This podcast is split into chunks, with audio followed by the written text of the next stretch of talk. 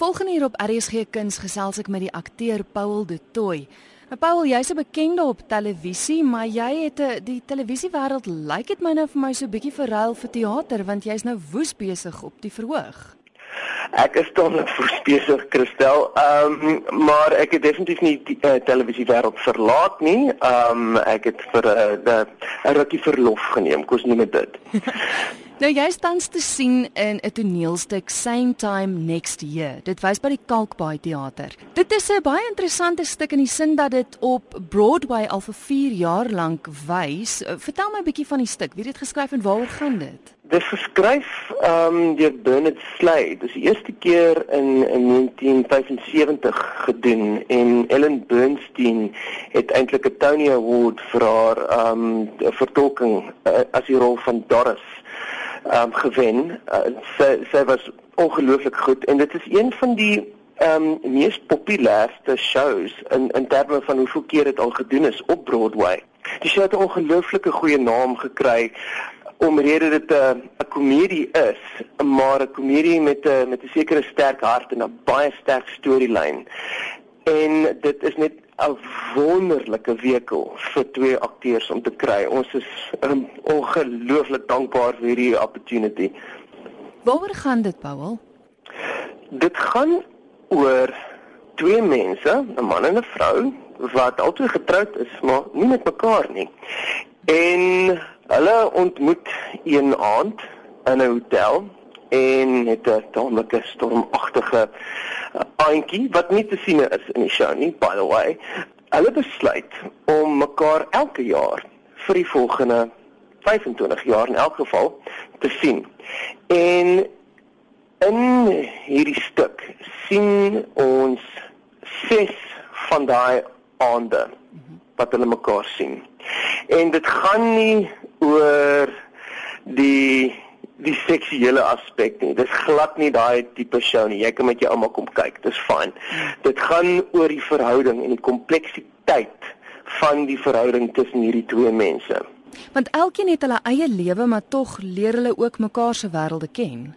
Absoluut en hulle het hulle het ongelooflik baie respek vir mekaar. Ehm um, se man vir ek het baie, my karakter baie respek vir haar man en hou eintlik dan baie van die ou en sy dieselfde vir myne.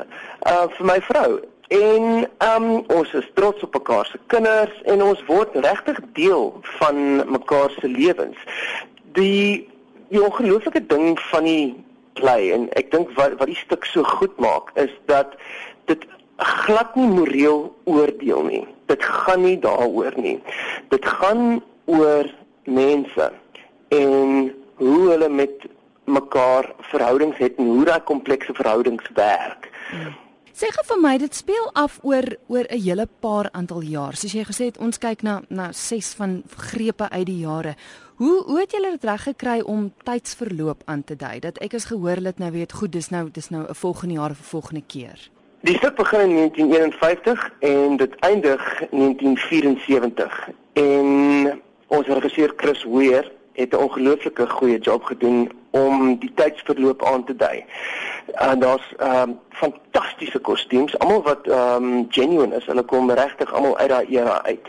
En daar word ook baie slim gebruik gemaak van ehm um, 'n klankbaan en ehm um, visuele materiaal om aan te dui wat in die tyd verloop gebeur het. En mense het so baie ehm um, konnotasies met musiek uit daai era. Jy weet as jy 'n doorsang vir iemand speel, dan het hulle onmiddellik 'n uh, 'n konnotasie aan 'n aan 'n tyd of 'n of iets wat in hulle lewens gebeur het en dan wys ons ook materiaal van wat uh, jy weet daai tyd um, aan, aan die gang was um, in terme van geskiedenis en politiek en um, populêre kultuur en daai tipe van goed.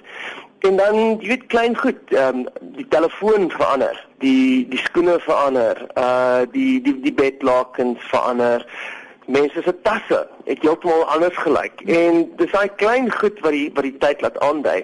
En dan was dit natuurlik ook uh uh, is 'n bietjie van 'n berg om te klim vir ons as akteurs om daai tipe van skuif in tyd aan te dui. Ja, want 'n kollega van my het die stuk gesien en hy sê dat dit nie met gremering en so gedoen word nie, maar bloot net deur die manier hoe jy met jou lywe speel, hoe dit ook die tydsverloop aandui. Soos jy noem, dit moes seker 'n groot uitdaging gewees het. Ons besluit om nie gremering en daai tipe van goed gebruik te gebruik nie, want daar's net so baie waarheid in die stuk. Mm. En die die verhouding wat ons speel en die en die styl waarin ons speel is so lifelike ja. dat dit net so heeltemal so uitspring.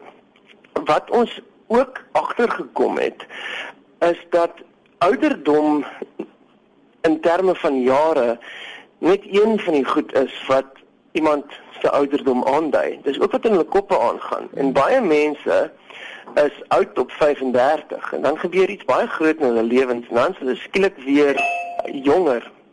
Ehm um, 10 jaar later. So ons het besluit om meer op die psigologie psigologiese aspek te fokus. En dan is ook klein goed mense se stemme verander en um in terme van hulle geografie trek hulle.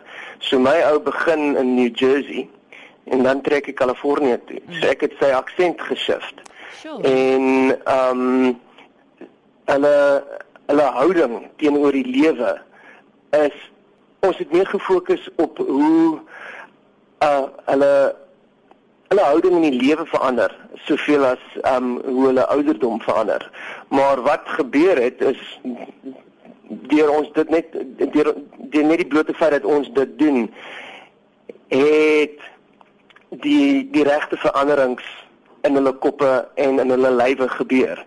So op 'n manier het ons regisseur ons ehm um, ek dink baie baie slim gehelp om om om die teks te doen. Ehm ek dink as ons net gefokus het op okay, hy's nou 5 jaar ouer, sou dit 'n bietjie van 'n pantomime geword het. Mm, ehm um, en ek dink eh, dit was die regte be, um, benadering tot die stuk. Nou jy vertolk die rol van George. Wie speel die rol van Doris? Julie Hartley. Ehm um, is is terug op die verhoog en dit was 'n mens ongelooflike voorreg om met haar te werk.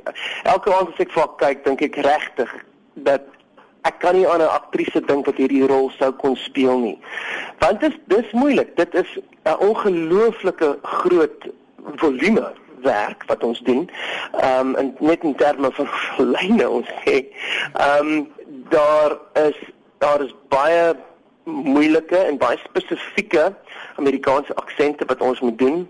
Daar is die die die die groot skuif in die in die in die, in die emosies en ehm um, houdings van hierdie karakters, die groei waardeur hulle gaan. En ehm um, dis dis nie iets wat in enigiemand se broek sit nie. So ek is baie gelukkig dat ek so formidable aktrise oorkant my gehad het. Nou julle is tans te sien by die Kalkbaai Theater. Julle het die 22ste Mei geopen en julle is ek dink vir 'n volle maand daar te sien, né? Ja, ons is hier tot uh 22 Junie. En dis 8uur in die aand en dan sê net gou vinnig vir my planne vorentoe want soos ek verstaan gaan julle Gramstad Nasionale Kunstefees. Ons ga, ons gaan inderdaad Gramstad uh Gramstad se fees toe. Daar is sprake van 'n lewe vir die vir die show na dit, maar ehm um, ons sal ons nog sien wat daar gebeur. Ehm um, gedurende die dag as ek ehm um, voor ek uh, na die show toe gaan, is ek in repetisie vir die Rockyhare show wat by die Fugard open. En um, ja, dit open die 17de Julie. So dinge is maar druk besig. Nou maar kyk of jy net 'n bietjie kan kom kuier hier bo in die noorde nie. Man, ek dink dit sal sommer lekker wees om ultra shows op te vat. Ek sal met my producers praat, kyk wat ons kan regkry. Nou maar fantasties. Paul, baie dankie vir die gesels en sterkte met alles waarmee jy besig is. Dankie, Christel.